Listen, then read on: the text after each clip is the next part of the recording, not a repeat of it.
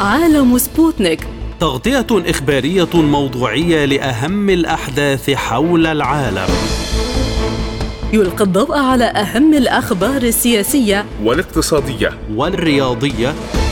وجولة مع الأخبار الخفيفة من سبوتنيك بريك في عالم سبوتنيك.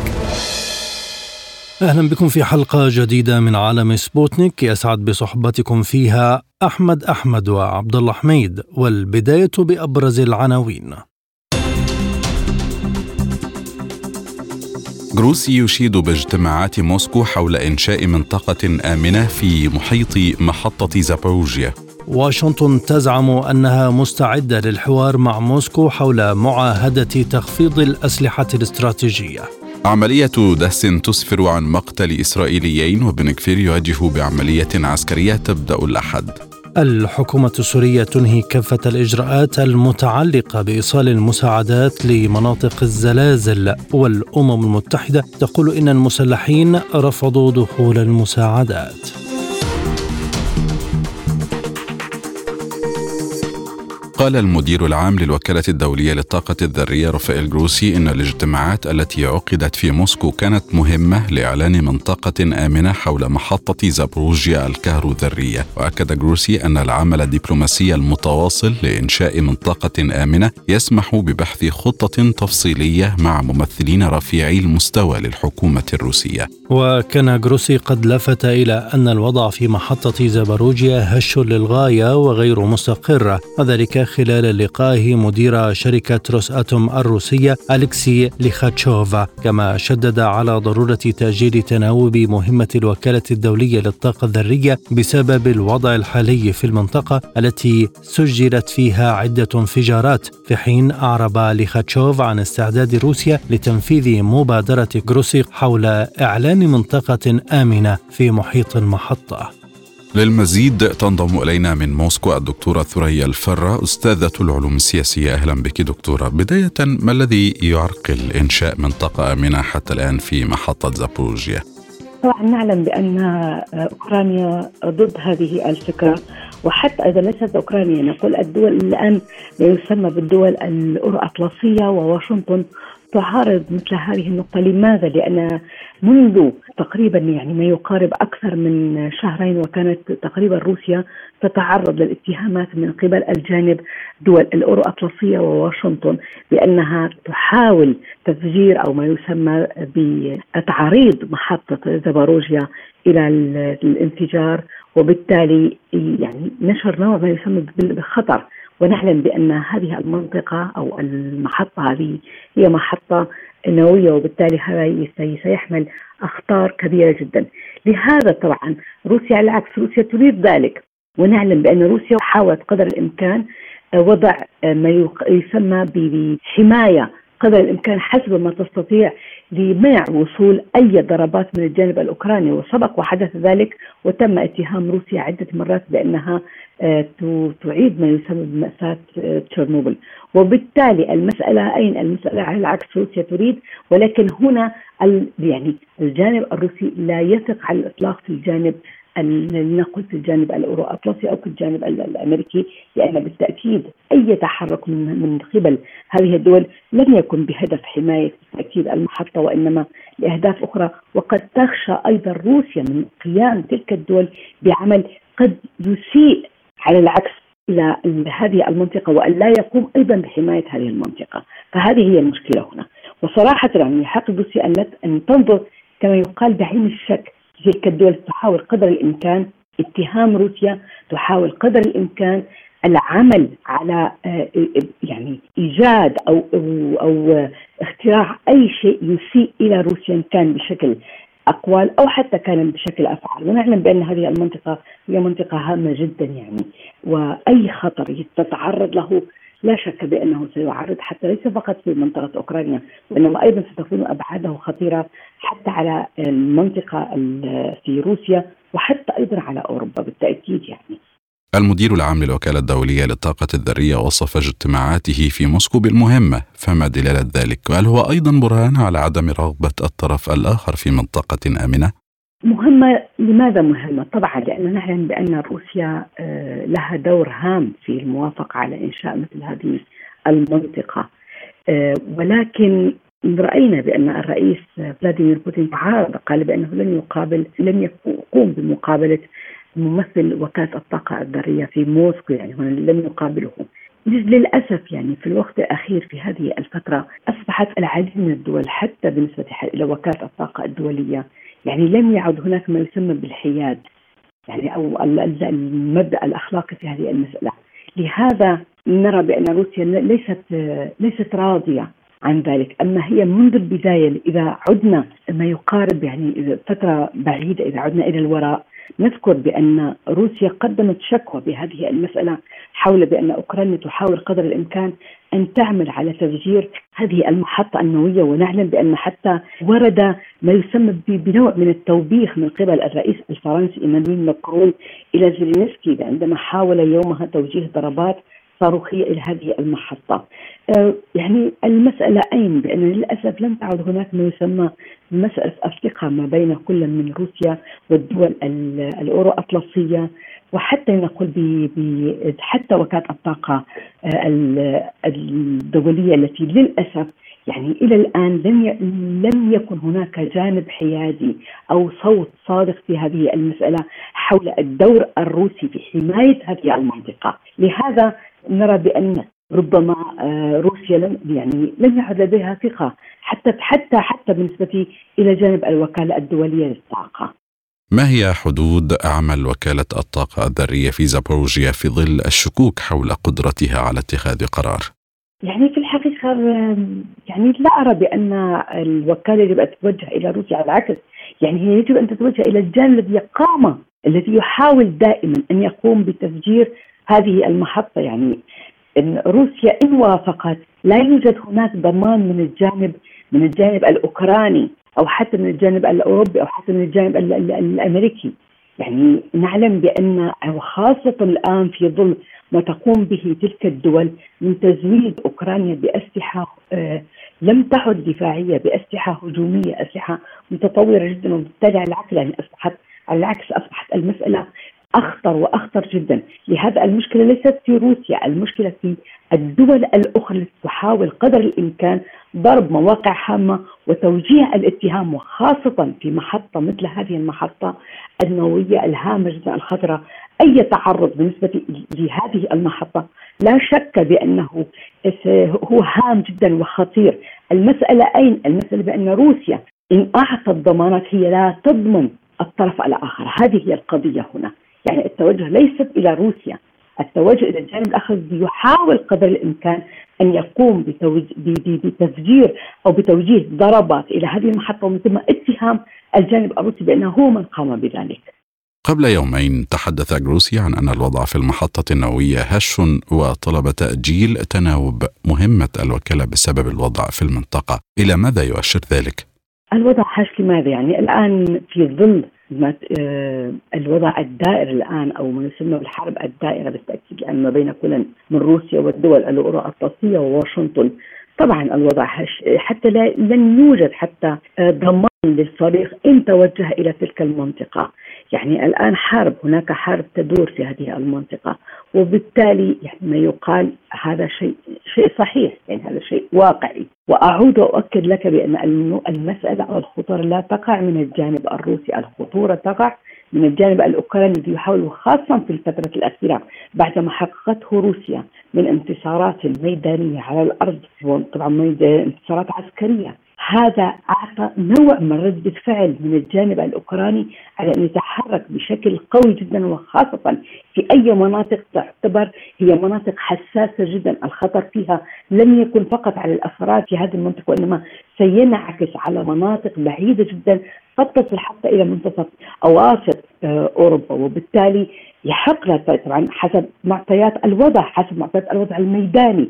هذا هو المقصود في هذه التصريحات الأخيرة التي خرجت.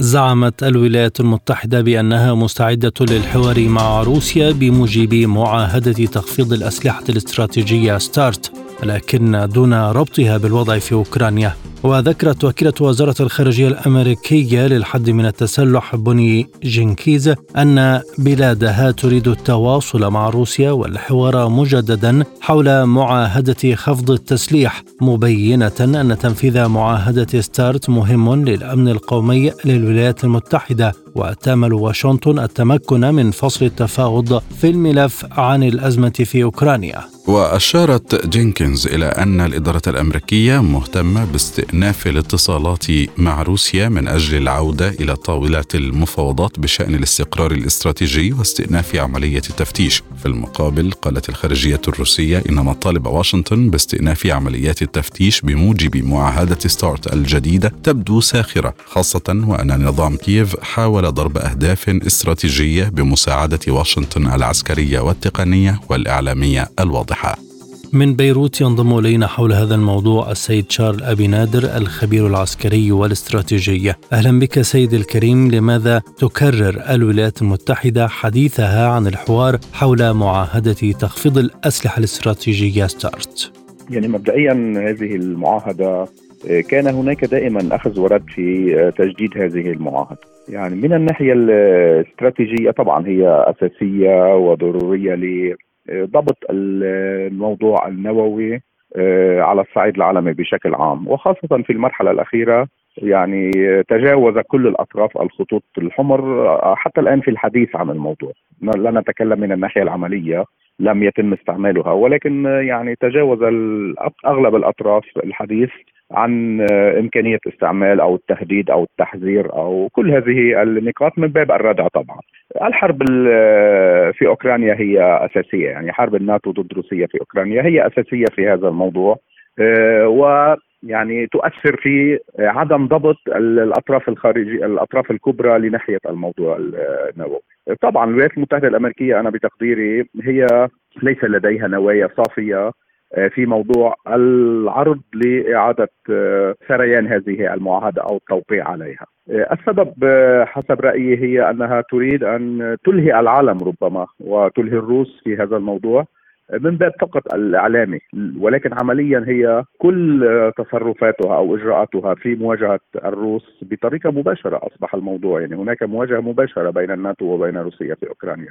لم تعد هذه المواجهة غير مباشرة. كل القدرات والأسلحة كل الأساليب المخابراتية كل العمليات الخاصة. اليوم هناك تحذير من سفير روسيا في واشنطن بأن موضوع استعمال الولايات المتحدة أو تنفيذها عمليات خاصة في أوكرانيا هذا موضوع أصبح يشكل خطرا لامكانيه المواجهة المباشرة، كل هذه النقاط أو الإجراءات تقوم بها الولايات المتحدة الأمريكية هي مناقضة بالتمام للفكرة أنها تريد أن تضبط الموضوع النووي لأن هذه التصرفات التي أو الإجراءات التي تقوم بها هي التي تؤدي عمليا آه، إلى مواجهة روسيا في أوكرانيا وربما في أمكنة أخرى وربما تؤدي إلى إمكانية استعمال الأسلحة النووية من هنا يظهر هذا التناقض لذلك يعني أنا بتقديري هذه العروض الأمريكية هي فقط للاعلام وللتغطية على آه، الاستراتيجية يعني نستطيع أن نقول وبكل صراحة الخبيثة التي تمارسها الولايات المتحدة الأمريكية في مواجهة روسيا في أوكرانيا. إذا ما أفاق التعاون حول أي موضوعات بين موسكو وواشنطن في ظل الهجمة التي تقودها الإدارة الأمريكية ضد روسيا من خلال أوكرانيا؟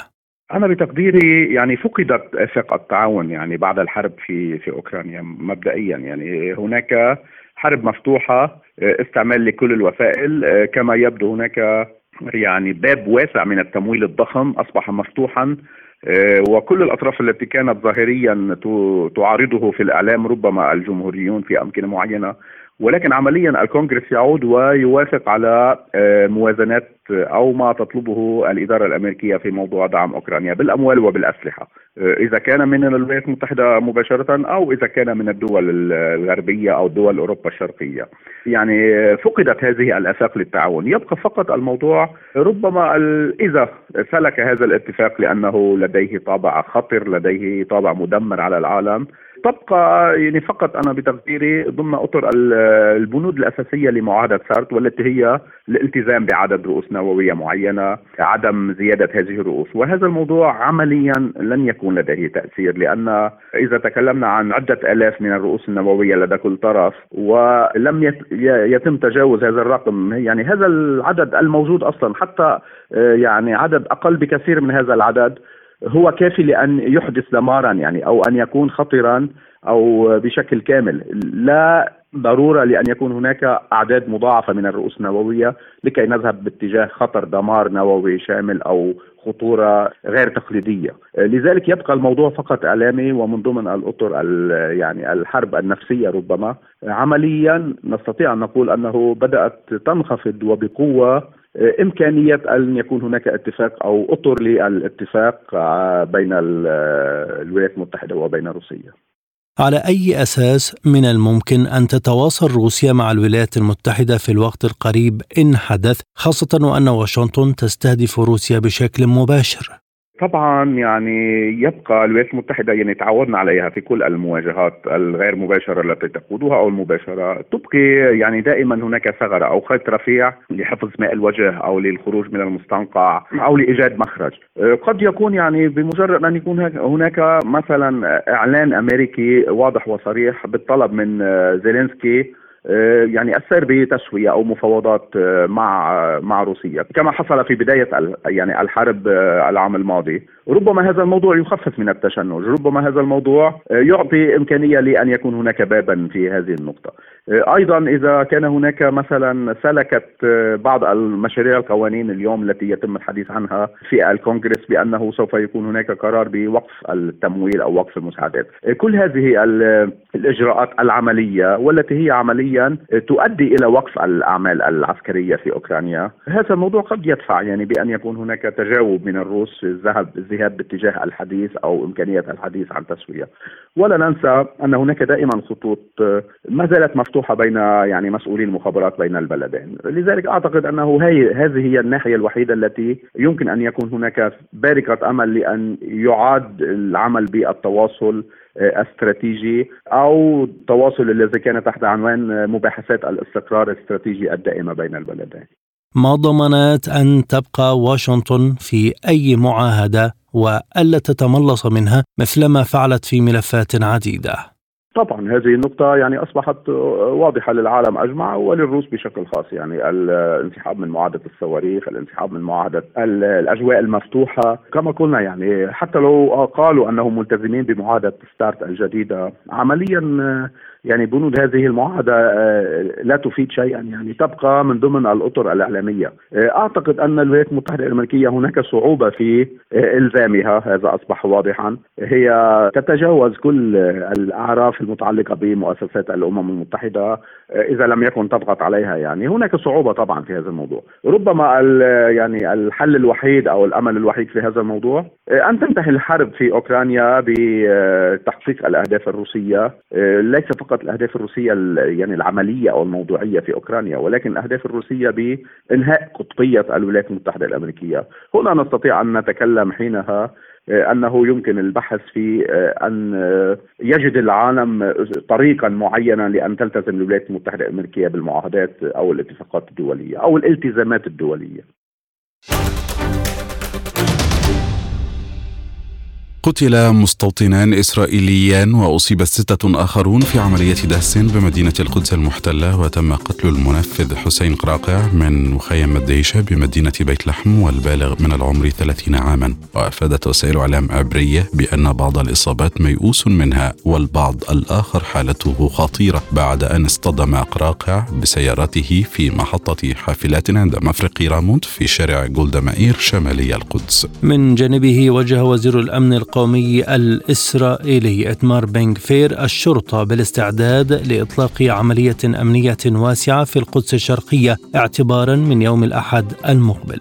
وقرر بن غفير إطلاق عملية السور الواقي اثنين التي تتعامل مع ما يتم وصفه إسرائيليا أوكار الإرهاب أو المخربين شرقي القدس قبل تنفيذ عمليات لكن هذا القرار يحتاج إلى اجتماع المجلس الوزاري المصغر المسمى بالك الكابينت والتشاور مع القادة العسكريين الأمر الذي أدى إلى انتقاد زعيم المعارضة يائيل لبيد لقرار بنغفير وللمزيد ينضم إلينا الآن من القدس الدكتور سعيد زيداني الأكاديمي والباحث السياسي الفلسطيني. أهلا بك دكتور. بداية قراءتكم لتوقيت العملية ولأثرها على الوضع الميداني في الأراضي المحتلة.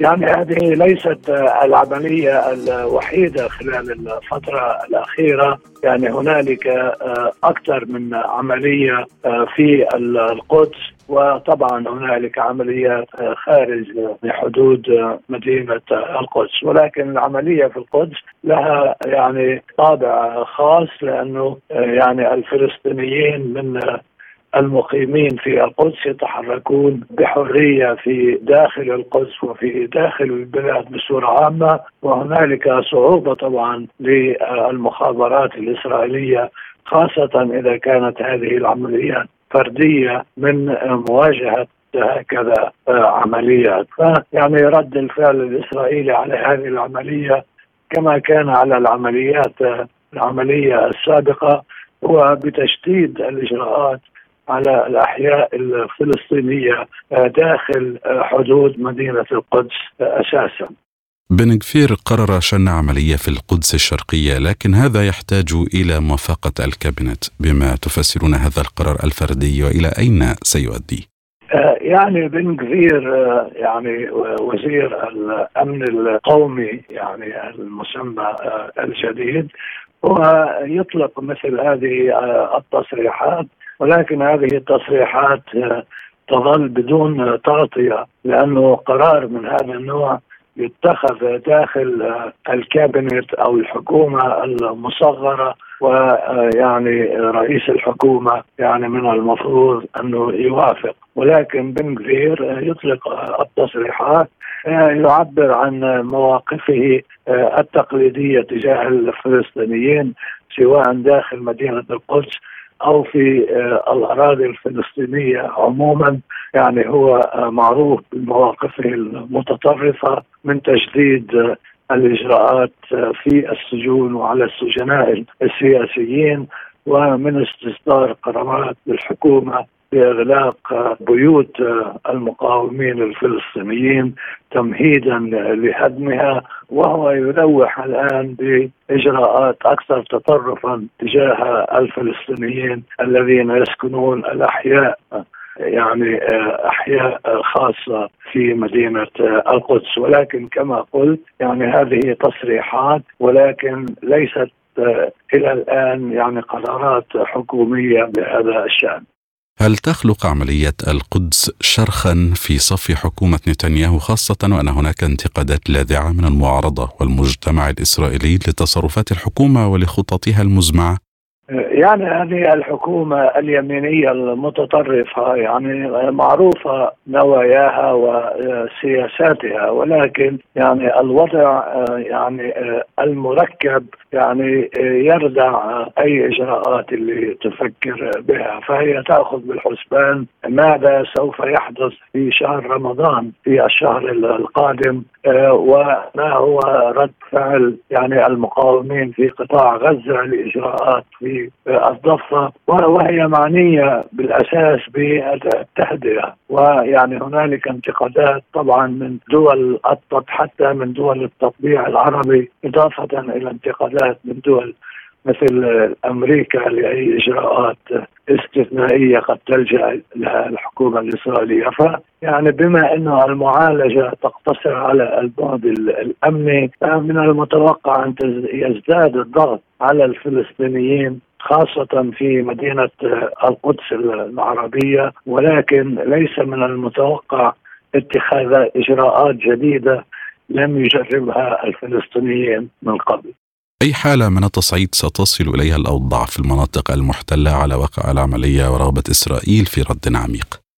يعني هنالك تشديد في الإجراءات يعني اللي تستهدف الفلسطينيين داخل مدينة القدس فهنالك أحياء فلسطينية وقرى فلسطينية ومخيم يعني شفاط.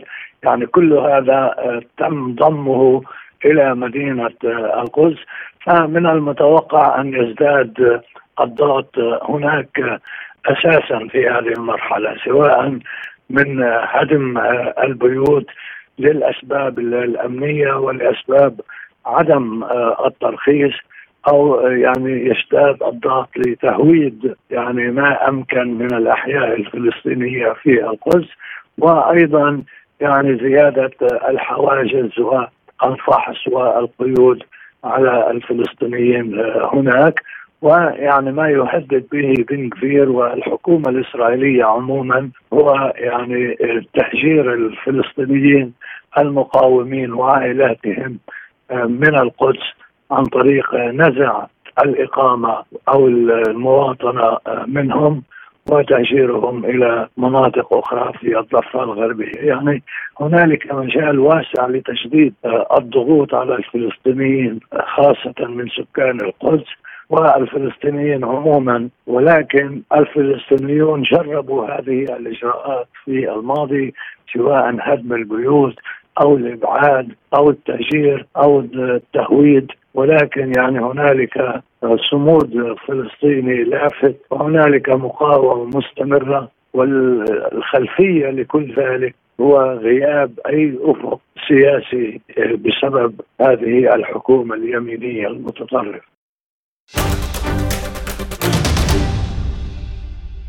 وافقت الحكومة السورية على إيصال المساعدات الإنسانية إلى جميع أنحاء البلاد بما في ذلك المناطق التي تقع خارج سيطرتها وأوضحت الحكومة في بيان بأن المساعدات تتم بإشراف الصليب الأحمر الدولي والهلال الأحمر العربي السوري وبمشاركة منظمات الأمم المتحدة مما يكفل وصولها إلى مستحقيها. وأكد محافظ إدلب ثائر سلهب في تصريحات لسبوتنيك أن المحافظة أتمت كافة التحضيرات اللوجستية اللازمة لإدخال قوافل المساعدات الإنسانية إلى مناطق سيطرة المسلحين بانتظار فتح المعبر من الجهة المقابلة. يأتي هذا في وقت أفادت خلاله مصادر أممية لوكالة سبوتنيك بأن جبهة النصرة الإرهابية رفضت دخول المساعدات الإغاثية الحكومية إلى مناطق سيطرتها موضحة أن مكتب تنسيق الشؤون الإنسانية التابع للأمم المتحدة في حلب راسل الجهات الحكومية المعنية في المحافظة وطلب منها التريث في إرسال القوافل الإنسانية إلى مدينة سمدة أقصى شمال غرب سوريا. من دمشق ينضم إلينا حول هذا الموضوع السيد غسان يوسف المحلل السياسي السوري. أهلا بك سيد الكريم. بماذا تفسرون ما تم من إجراءات للحكومة السورية حول جاهزية المساعدات لكافة المناطق المنكوبة؟ هلا بداية يعني كانت الدولة السورية منذ اليوم الأول آه، أعلنت بأنها ستوصل المساعدات إلى كافة آه، الأراضي السورية بغض النظر عن من يسيطر على هذه الأراضي سواء كانت تحت سيطرة الدولة أو خارجها عن سيطرة الدولة باعتبار أنها هي المعنية في هذا الأمر. وأعلنت يعني قبول مساعدات من جميع دول العالم وعندما وصلت المساعدات قامت بتجهيز يعني قافلة مساعدات للدخول إلى المناطق الخارجة عن سيطرة الدولة. وكان هناك اتصالات مع الصليب الأحمر الدولي لإدخال هذه المساعدات عبر معبر ترندي في شراطي لكن تعرف يعني انت الجهه الثانية يعني هناك الكثير من آه، المجموعات الإرهابية التي تسيطر عليها وليس هناك اي ضابط وتنقسم أيضا إلى آه، منطقتين يعني منطقة تسيطر عليها ما يسمى هيئة تحرير الشام النصره في مدينة إدلب وما حواليها والمنطقة الأخرى التي آه، أيضا تسيطر عليها ما يسمى الجيش الوطني وهي مجموعات راديكالية يعني أغلبها يتبع عقيدة القاعدة ولكن يعني في سابقا عندما كان آه، كانت الدولة السورية تدخل مساعدات كانت تدخلها آه، بوسيط ثالث وقد يكون تركيا. آه، أما اليوم تعرف أن تركيا مشغولة في الزلزال ولم يكن هناك استعداد أيضا من قبل الدولة التركية للعمل في هذا الموضوع. على كل قالت الدولة السورية بأنها ستدخلها بأي طريقة باعتبار أن المواطنين هناك يعني مواطنين سوريين يحتاجون لهذه المساعدات لكن المجموعات المسلحة يعني أمس عندما دخلت قافلة مساعدات من تركيا ولم تكن مخصصة للزلزال حوالي ثمان شاحنات يعني نصبوا الحواجز ويعني حاولوا سرقة المساعدات. وكان هناك اشتباكات مسلحة بين المجموعات الإرهابية بشأن الاستيلاء على المساعدات لذلك الوضع هناك يعني صعب ويجب أن يكون هناك يعني من يضبط وصول المساعدات إلى مستحقيها ما الذي جعل المسلحين يرفضون دخول المساعدات بعد الإعلان عن إشراف الصليب الأحمر الدولي عليها؟ هلا بشكل عام المسلحين لا يهتمون لحياة المواطنين ولكن يخضعون ل آه، يعني أوامر. يعني تعرف أن هذه المجموعات المسلحة آه، غالبا ما تكون مرتبطة مع مخابرات عالمية أغلبها ضد الدولة السورية. وتعرف التصريحات الأمريكية وبالأساس يعني المايسترو هو أمريكي آه، لهذه المجموعات.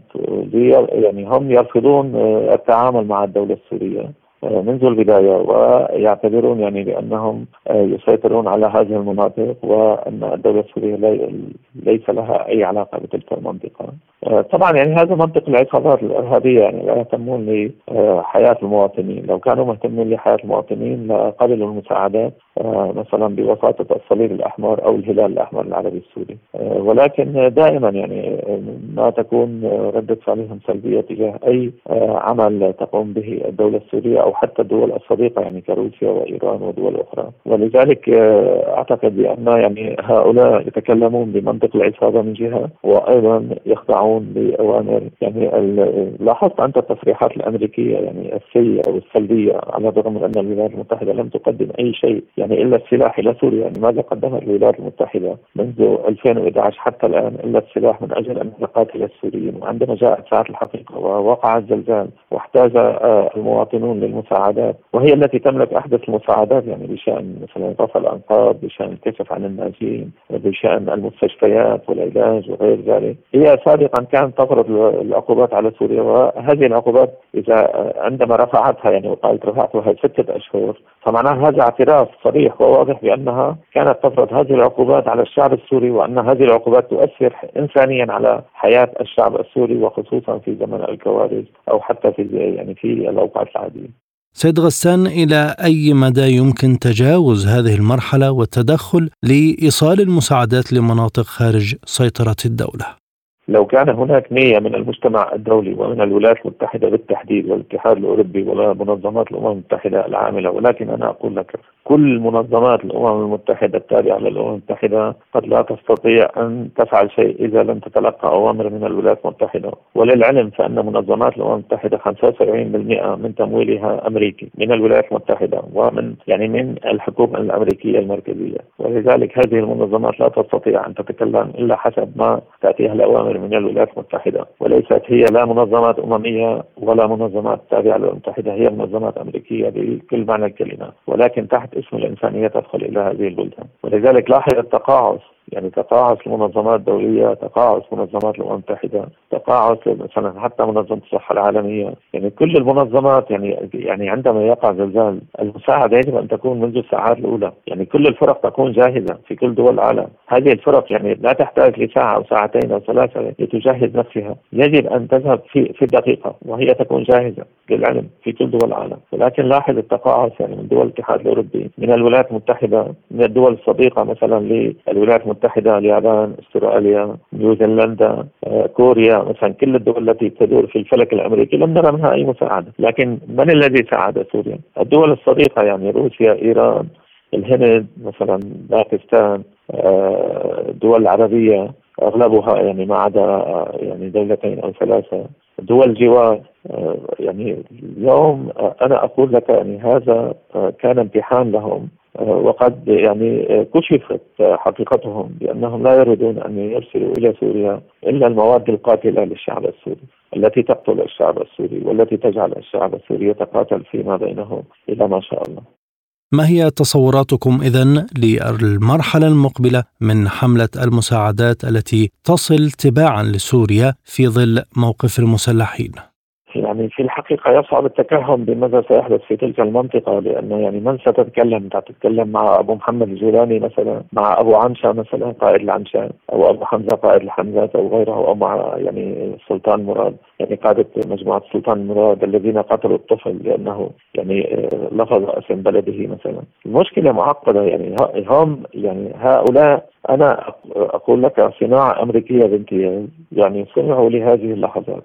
للأسف يعني هم تركوهم يتحكمون بأرقام المواطنين وأيضا كانوا يقدمون لهم المساعدات وضمن هذه المساعدات كانوا يدخلون السلاح. ولذلك لاحظ يعني دائما ما كانوا يصرون على فتح كل المعابد. يعني لإدخال السلاح وليس لإدخال المساعدات الإنسانية، يعني لديهم من المساعدات الإنسانية ما يكفي لسنين، ولكن كلها في المستودعات، عندما دخل الجيش السوري إلى الغوطة كانت المستودعات معبأة والناس تموت جوعا، وهم يبيعون المساعدات بأسعار غاليه جدا، وكانت الأمم المتحدة والولايات المتحدة والمنظمة الدولية تتباكى على هؤلاء، على الرغم من أنهم يعرفون أن مساعداتهم معبأه. للأسف يعني الموضوع سياسي بامتياز، وللأسف يحاربوننا يعني في لقمة العيش وحتى في دون الكوارث، يعني لا يهتمون بشيء للأسف الحل كيف سيكون؟ أنا أعتقد أن الدولة السورية مصرة لإدخال المساعدات، ولكن أنا أقول لك حتى لو دخلت المساعدات يعني سيقومون بسرقتها وببيعها وبالتحكم بالمواطنين السوريين هنا. والآن إلى جولة حول العالم أكد عضو المجلس الرئيسي للإدارة الإقليمية في زابروجيا فلاديمير روغوف اليوم السبت أن شخصا واحدا على الأقل قتل نتيجة قصف القوات الأوكرانية لمدينة ميلاتوبول وقصفت القوات الأوكرانية ميلاتوبول في وقت متأخر من ليل الجمعة فيما تصدت وسائط الدفاع الجوي للأهداف الأوكرانية. كما أشار روغوف إلى أن عناصر تخريب تابعة للقوات الأوكرانية حاولت التسلل إلى المناطق الخاضعة لسيطرة روسيا في مقاطعة مقاطعة زابوروجيا موضحا أن سلطات كييف تسعى إلى تقويض الحياة السلمية في المنطقة بأي وسيلة. أعلن نائب وزير الخارجية الروسي سيرجي فيرشينين أن روسيا مستعدة للتفاوض مع أوكرانيا بدون شروط مسبقة وبناء على الحقائق الجغرافية الجديدة. وأضاف فيرشينين في مقابلة تلفزيونية أن أي أعمال عسكرية تنتهي بالمفاوضات ولكن بدون شروط مسبقة مع مراعاة الحقائق القائمة على أرض الواقع كما يجب أن تأخذ المفاوضات بالاعتبار الأهداف التي أعلنت عنها روسيا. وأشار إلى أن أوكرانيا لا يمكنها أن تتخذ قرار الامتثال إلى المفاوضات من عدمه وإنما الولايات المتحدة والاتحاد الأوروبي. قال السفير الروسي لدى الولايات المتحدة أناتولي أنتونوف إن استئناف برامج العمليات الخاصة الأمريكية في أوكرانيا سيعني مشاركة علنية للقوات الأمريكية في الأزمة. جاء ذلك تعليقا على اقتراح وزارة الدفاع الأمريكية قدمته للكونغرس لاستئناف تمويل البرامج السرية التي تسمح لقوات العمليات الخاصة الأمريكية بتوظيف عملاء المخابرات الأوكرانية لمراقبة التحركات العسكرية الروسية ومحاربة المعلومات المضللة. التقى وزير الخارجية القطري محمد بن عبد الرحمن الثاني في واشنطن مع نظيره الأمريكي أنتوني بلينكن. وناقش الثاني مع بلينكن تطوير العلاقات الثنائية بين البلدين كما تطرق إلى محادثات الاتفاق النووي الإيراني وسبل تنسيق الجهود الدولية لعمليات الإنقاذ والإغاثة وإيصال المساعدات لتركيا وشمالي سوريا. وتطرق الاجتماع لتطورات الأوضاع في فلسطين وأفغانستان بالإضافة إلى عدد من القضايا الدولية ذات الاهتمام المشترك. تمكنت فرق الإنقاذ التابعة لوزارة الطوارئ الروسية من انتشال أكثر من أربعين شخصا من تحت الأنقاض خلال عملية البحث والإنقاذ ورفع الأنقاض جراء الزلزال المدمر الذي ضرب تركيا. وجاء في بيان وزارة الطوارئ أنه خلال عمل مجموعة قوات الإنقاذ الروسية في تركيا تم انتشال 44 شخصا من تحت الأنقاض بينهم خمسة أحياء وتم انتشال 12 جثة خلال 24 ساعة. أعلن نائب الرئيس التركي فؤاد أقطاي أن نحو مليون وخمسين ألف مواطن من المتضررين من الزلازل يقيمون في مراكز إيواء مؤقتة تم إنشاؤها في المناطق المنكوبة. وقال أقطاي إن 31254 من أفراد فرق البحث والإنقاذ يواصلون جهودهم في منطقة الزلازل مشيرا إلى مشاركة أكثر من 12 ألفا من المعدات الثقيلة وأكثر من 900 رافعة في عمليات البحث والإنقاذ في المناطق المنكوبة. أعلنت إدارة الكوارث والطوارئ في تركيا أن عدد قتلى الزلازل المدمرة في البلاد ارتفع إلى 20665 شخصا. وأضافت أنه تم إجلاء ما يقرب من 93 ألفا من ضحايا الزلزال في جنوب تركيا وأن أكثر من 166 ألفا شاركوا في جهود الإنقاذ والإغاثة. وقالت إن 1891 هزة ارتدادية وقعت منذ أن ضرب الزلزال الأول البلاد في ساعة مبكرة من صباح. صباح الاثنين الماضي.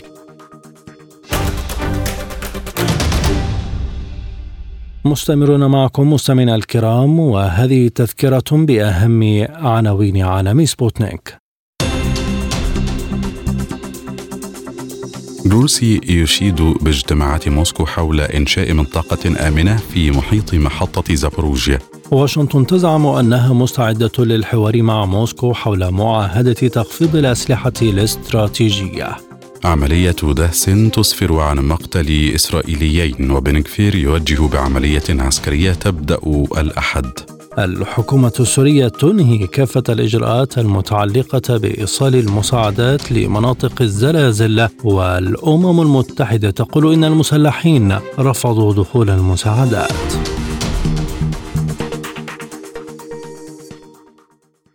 والآن إلى أخبار الاقتصاد. أعلن نائب رئيس الوزراء الروسي ألكسندر نوفاك أن روسيا ستخفض إنتاجها للنفط بمقدار 500 ألف برميل يوميا بداية من شهر مارس آذار المقبل مبينا أن الخطوة تسهم في استعادة العلاقات مع السوق. وفي وقت سابق من الشهر الجاري قال نوفاك إن الإنتاج الروسي في يناير كانون الثاني ظل عند مستوى 9.8 إلى 9.9 مليون برميل يوميا وزاد حجم إنتاج النفط في روسيا بنسبة 2% وبلغ 535 مليون طن. وذكر نوفاك أن قرارات موسكو في الملف النفطي مبنية على وضع السوق واحتياجاته. للمزيد ينضم إلينا من لندن الدكتور ممدوح سلامة خبير النفط العالمي. أهلا بك دكتور ممدوح. بداية ماذا يعني هذا القرار الروسي بلغة سوق النفط وفي ظل الأوضاع الراهنة كذلك؟ أولا قرار روسيا هو عبارة عن رد انتقامي ضد الدول الغربية التي فرضت سقفا على سعر صادرات النفط الروسي. هذه ناحية. كان الرئيس الروسي بيوتن قد وعد باتخاذ هذا القرار مثل ما وعد كذلك بوقف صادرات روسيا إلى أي دولة في العالم تتقيد بسقف بسقف الأسعار. هذه ناحية. تأثير ذلك كما لاحظنا أن الأسواق وسوق النفط العالمي بالذات قد كان رد فعله آه، ارتفاع الأسعار بشكل سريع لأن ذلك يؤدي القرار الروسي يؤدي إلى زيادة نقص الإمدادات في سوق النفط العالمي هذه ناحية وهذا يعني ارتفاعا في الأسعار. فالدول الغربية التي فرضت السقف تحتاج الآن لأن تدفع فاتورة أكبر حتى تستطيع شراء النفط في السوق العالمي. هل هذا القرار ناتج عن تشاور من جهات فاعلة في أوبك بلس أو أطراف أخرى لأن نائب رئيس الوزراء الروسي ألكسندر نوفاك قال إن ذلك سيساعد وضع السوق؟ وإن لم يكن أن روسيا ربما لم تتشاور كلية مع منظمة أوبك بلس إلا أنه قبل اجتماع منظم الاجتماع الوزاري لمنظمة أوبك في الخامس من آه، فبراير شباط الحالي كان الرئيس بيوتن قد تحدث إلى ولي العهد السعودي الأمير محمد بن سلمان. ومن المرجح أن الرئيس بيوتن قد أبلغ الأمير بقراره أو بالقرار الذي سيعلنه قريبا وأعتقد هذا ما حدث. هذا يعطينا فكرة لماذا لم تقدم أوبك على تغيير سياستها الإنتاجية في اجتماعها. بالطبع لم يكن متوقع من أوبك أن تغير سياستها في ذلك الوقت لأنه لا لم تكن هناك تغيرات كبيرة في سوق النفط العالمي تحتاج إلى قرار جديد من أوبك سواء بخفض جديد للإنتاج أو برفع إنتاجها. يعني أستشف من كلامكم دكتور أن السعودية وكبار المنتجين للنفط متفقون تماما على ذلك.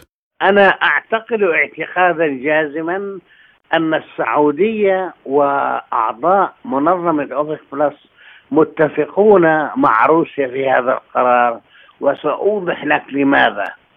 قرار فرض سقف السعر وإن كان الهدف منه هو آه، خفض آه، واردات روسيا من آه، صادرات النفط لتخفيف إنفاقها على النزاع في أوكرانيا إلا أن القرار في المدى البعيد يطيل أو يؤثر على أعضاء منظمة أوبك. كيف؟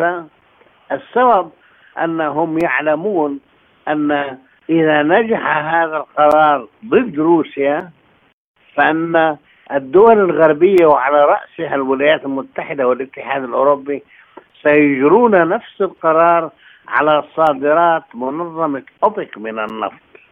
فبالتالي منظمة أوبك وروسيا يعلمان علم اليقين أن هدف السقف هو استمرار آه، أسعار النفط بمستوى أقل مما يؤثر على أعضاء منظمة أوبك خصوصا أن غالبيه الغالبية العظمى من أعضاء منظمة أوبك يحتاجون إلى سعر لخام برنت يصل إلى 100 دولار لموازنة ميزانياتهم بالطبع هم يستطيعون أن يتعايشوا الآن مع سعر 80 دولار ولكن الغالبية العظمى في المدى البعيد تحتاج سعر برنت خام برنت في 100 دولار حتى تستطيع أن توازن ميزانياتها. برأيك إلى متى سيظل هذا القرار بالتخفيض؟ يعني هل يستمر أم تعود روسيا إلى إنتاجها المعتاد؟ روسيا مثلها مثل منظمة أوبك وخصوصا أنها مرتبطة مع منظمة أوبك بلس تراقب الأسواق وبالتالي إذا شعر الرئيس بيوتن أن سوق النفط العالمي بدأ يختل كثيرا ويهدد بارتفاع شاهق للأسعار فأعتقد أنه قد يوقف هذا الخفض لكن إذا شعر أن الأسعار بدأت تميل نحو الانخفاض بشكل كبير أعتقد أنه ومنظمة أوبك روسيا ومنظمة أوبك بلس سيقدمان على خفض جديد للأسعار. أيضا هل يمكن أن يحدث اضطراب ما في الأسواق وبالتالي تطلب مثلا الولايات المتحدة من الدول المنتجة للنفط زيادة الإنتاج لموازنة السوق؟ رأيي أنا كما أرى بناء على أساسيات سوق النفط العالمي أن الأسعار هي في اتجاه صاعد وبالتالي أتوقع أنه خلال الربع الحالي أو الربع الثاني الربع الأول أو الربع الثاني من هذا العام سنجد أن خام برن قد وصل إلى 90 دولار للبرميل الواحد وربما يلامس 100 دولار خلال العام الحالي. ربما في منتصف منتصف العام أو ربما في أواخر العام ولكن يتجه نحو ذلك. فبالتالي حتى لو طالبت الولايات المتحدة بخفض الإنتاج منظمة أوبك وروسيا لن يردان على طلبها مثل ما فعلوا في السابق. منظمة أوبك بلس هي أهم لاعب في سوق النفط العالمي خصوصا مع تعاونها مع روسيا. وبالتالي هي تراقب الأسعار وتراقب آه، ويعنيها كثيرا استقرار السوق واستقرار الأسعار. ولكنها لن تقبل أن تبيع نفطها بسعر أقل مما هو في السوق. فبالتالي مطالبة الرئيس آه، الولايات المتحدة لن تؤدي إلى أي نتيجة مثل ما كان الوضع سابقا وهل خفض الإنتاج الروسي يفسح الطريق أمام منتجين آخرين من أجل تعويض النقص؟ إيران معروف إنتاجها ومعروف صادراتها بمعنى هي تعاني من العقوبات الأمريكية والغربية كذلك إيران تنتج الآن ما يقرب من حوالي مليوني برميل أو أو ربما مليونين ونصف برميل في اليوم. تصدر منها واحد ونصف مليون برميل. أو هذه التقديرات الموجودة الآن. وبالتالي لا تستطيع زيادة صادراتها أكثر مما هي الحال الآن.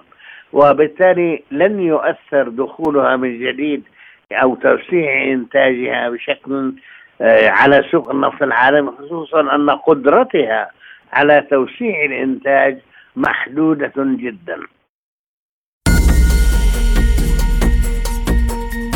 سجلت أسعار النفط مكاسب أسبوعية بعدما أعلنت روسيا خططا لخفض إنتاج النفط الشهر المقبل بما يعادل 5% من الإنتاج. وخلال الأسبوع الماضي ارتفع سعر خام برنت بنسبة 8.1% فيما ارتفع خام غرب تكساس الأمريكي بنسبة 8.6% وعقب الإعلان الروسي عن تخفيض الإنتاج ارتفعت العقود الآجلة لخام برنت عند التسوية بواقع 1.89 دولار بما يعادل 2.2% إلى 86 دولارا و39 سنتا للبرميل. فيما ارتفعت العقود الآجلة لخام غرب تكساس الوسيط الأمريكي دولارا و66 سنتا أو 2.1% إلى 79 دولارا و72 سنتا للبرميل. أعلن السفير الروسي لدى القاهرة جيورجي بوريسينكو أن مصر مهتمة بالانضمام إلى مجموعة بريكس وقد أعربت عن رغبتها في ذلك من خلال رسائل رسمية بعثت بها إلى جميع أعضاء المجموعة. وأشار بوريسينكو إلى أن روسيا تدعم طلب القاهرة وستكون سعيدة عندما تصبح عضوا في منظمة بريكس لافتا إلى ضرورة موافقة المجموعة بشكل نهائي على قواعد وإجراءات التوسع. وفي وقت سابق أعلن سكرتير مجلس الأمن الروسي نيكولاي باتروشيف أن توسيع مجموعة بريكس سيساعد في تعزيز مكانة المنظمة في العالم. تراجعت أسعار الذهب مسجلة ثاني خسائر أسبوعية على التوالي إذ يقيم المستثمرون الخطوات المحتملة للاحتياطي الفيدرالي الفترة المقبلة. وعند التسوية تراجعت العقود الآجلة للذهب بنحو فاصل 2% إلى 1874 دولارا و50 سنتا للأوقية. فيما سجلت خسائر أسبوعية طفيفة بنحو فاصل واحد في المئة. وعانت أسعار الذهب هذا الأسبوع مع بعض عمليات جني الأرباح وذلك بعد المكاسب الكبيرة منذ بداية نوفمبر. هذا وتتجه الأنظار نحو بيانات التضخم في الولايات المتحدة عن الشهر الماضي والمقرر صدورها الأسبوع المقبل. ارتفعت القيمة السوقية لثلاث عشرة بورصة عربية وخليجية في يناير كانون الثاني الماضي بنسبة 1.3% بعدما أضافت نحو 53 مليار دولار خلال تداولات شهر يناير الماضي. وبحسب بيانات صندوق النقد العربي تصدرت السوق السعودية أكبر قيم أسواق المال العربية الخليجية بعدما سجلت نحو 2.7 تريليون دولار بنهاية يناير الماضي مستحوذة بذلك على نحو 65.6% وفي المركز الثاني حل سوق أبو ظبي للأوراق المالية بقيمة سوقية بلغت نحو 690 مليار دولار بحصة تبلغ نسبتها 16.7 من 10% تلاه في المركز الثالث بورصة قطر بقيمة سوقية بلغت نحو 170.3 مليار دولار. الآن إلى جولة في أخبار الرياضة. بدأ الرجاء المغربي مشواره في دوري أبطال إفريقيا بفوز عريض على ضيفه فيبرس الأوغندي بخمسة أهداف نظيفة في الجولة الأولى من دور المجموعات. تناوب على تسجيل خماسية الرجاء حمزة خابة وجمال حركاسة ومحمد زريدة ويسري بوزوق والتوغولي روجير أهولو. وفي منافسات المجموعة الرابعة سقط الزمالك المصري أمام ضيفه شباب بلوزداد الجزائري بهدف دون رد. سجل الفريق الجزائري اللاعب الكاميروني ليونيل بامبا من ركلة جزاء في الدقيقة السابعة والخمسين. وبهذا الفوز الثمين تصدر بلوزداد المجموعة الرابعة برصيد ثلاث نقاط في انتظار مواجهة الترجي التونسي والمريخ السوداني ضمن منافسات المجموعة ذاتها فيما يقبع الزمالك في قاع الترتيب.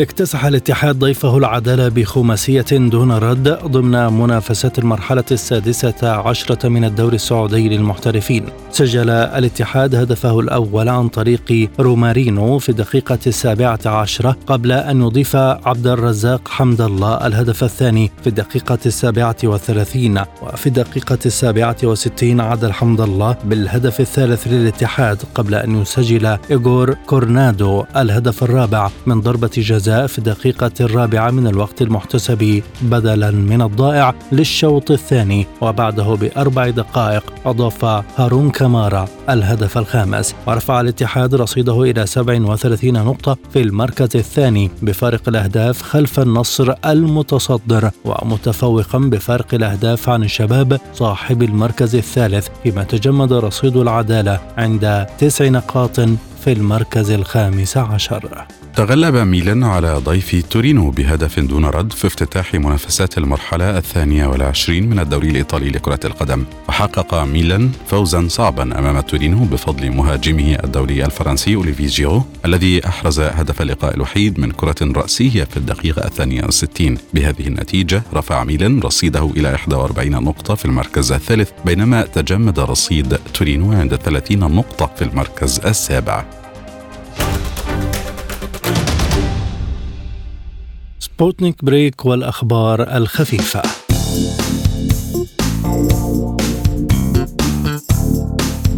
وجد المتخصصون في جامعة الشرق الأقصى الفيدرالية ومعهد موسكو للطيران نهجا تكنولوجيا لإنتاج مواد مركبة أكثر كفاءة لمحركات الطائرات. وبحسب ما صرحت به وزارة التعليم والعلوم الروسية لوكالة سبوتنيك فإن استخدام تلك المواد ينتج العديد من الأجزاء والهياكل الهامة لمجموعة واسعة من الأجهزة والمعدات والآلات التي يتم تشغيلها في ظل ظروف قاسية من التأثيرات الميكانيكية والحرارية والإشعاعية بما في ذلك محركات الطائرات. ونوهت الوزارة إلى أنه باستخدام مساعدة الأساليب الحديثة لما يسمى بتلبيد الانتشار. حصل العلماء على مركب متين من خمسة معادن مختلفة بالإضافة إلى ذلك قاموا بتقليل درجة حرارة العملية الإجمالية وقللوا بشكل كبير من وقت دورة تصنيع المركب.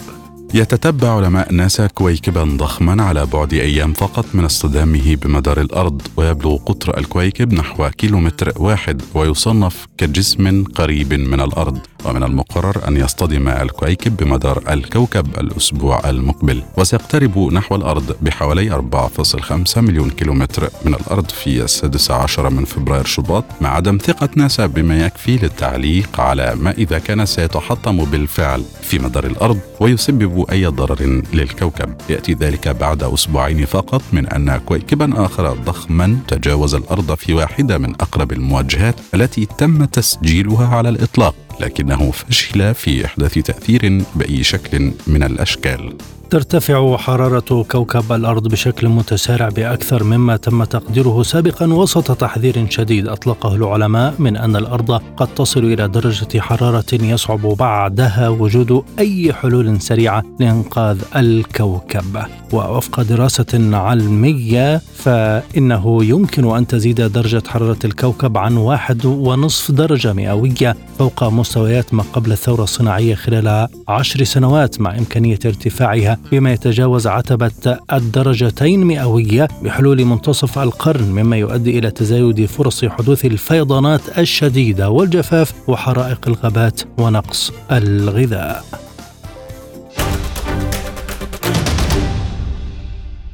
ولا يبقى في هذه الحلقة سوى التذكير بأهم ملفات عالم سبوتنيك.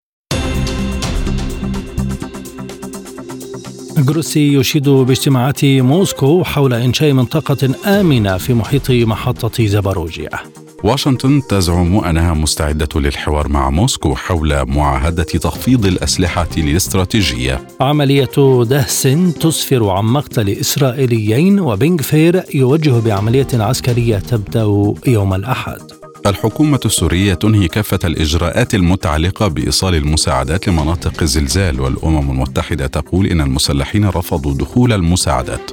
في الاقتصاد روسيا تعلن تخفيض إنتاجها من النفط في مارس المقبل بمقدار 500 ألف برميل يوميا وكان في الرياضة رجاء المغربي يكتسح في برسا الأوغندي وزمالك المصري يخسر أمام شباب الوزداد الجزائري في دوري أبطال أفريقيا انتهت هذه الحلقة. شكرا وإلى اللقاء للمزيد. زوروا موقعنا على الإنترنت اي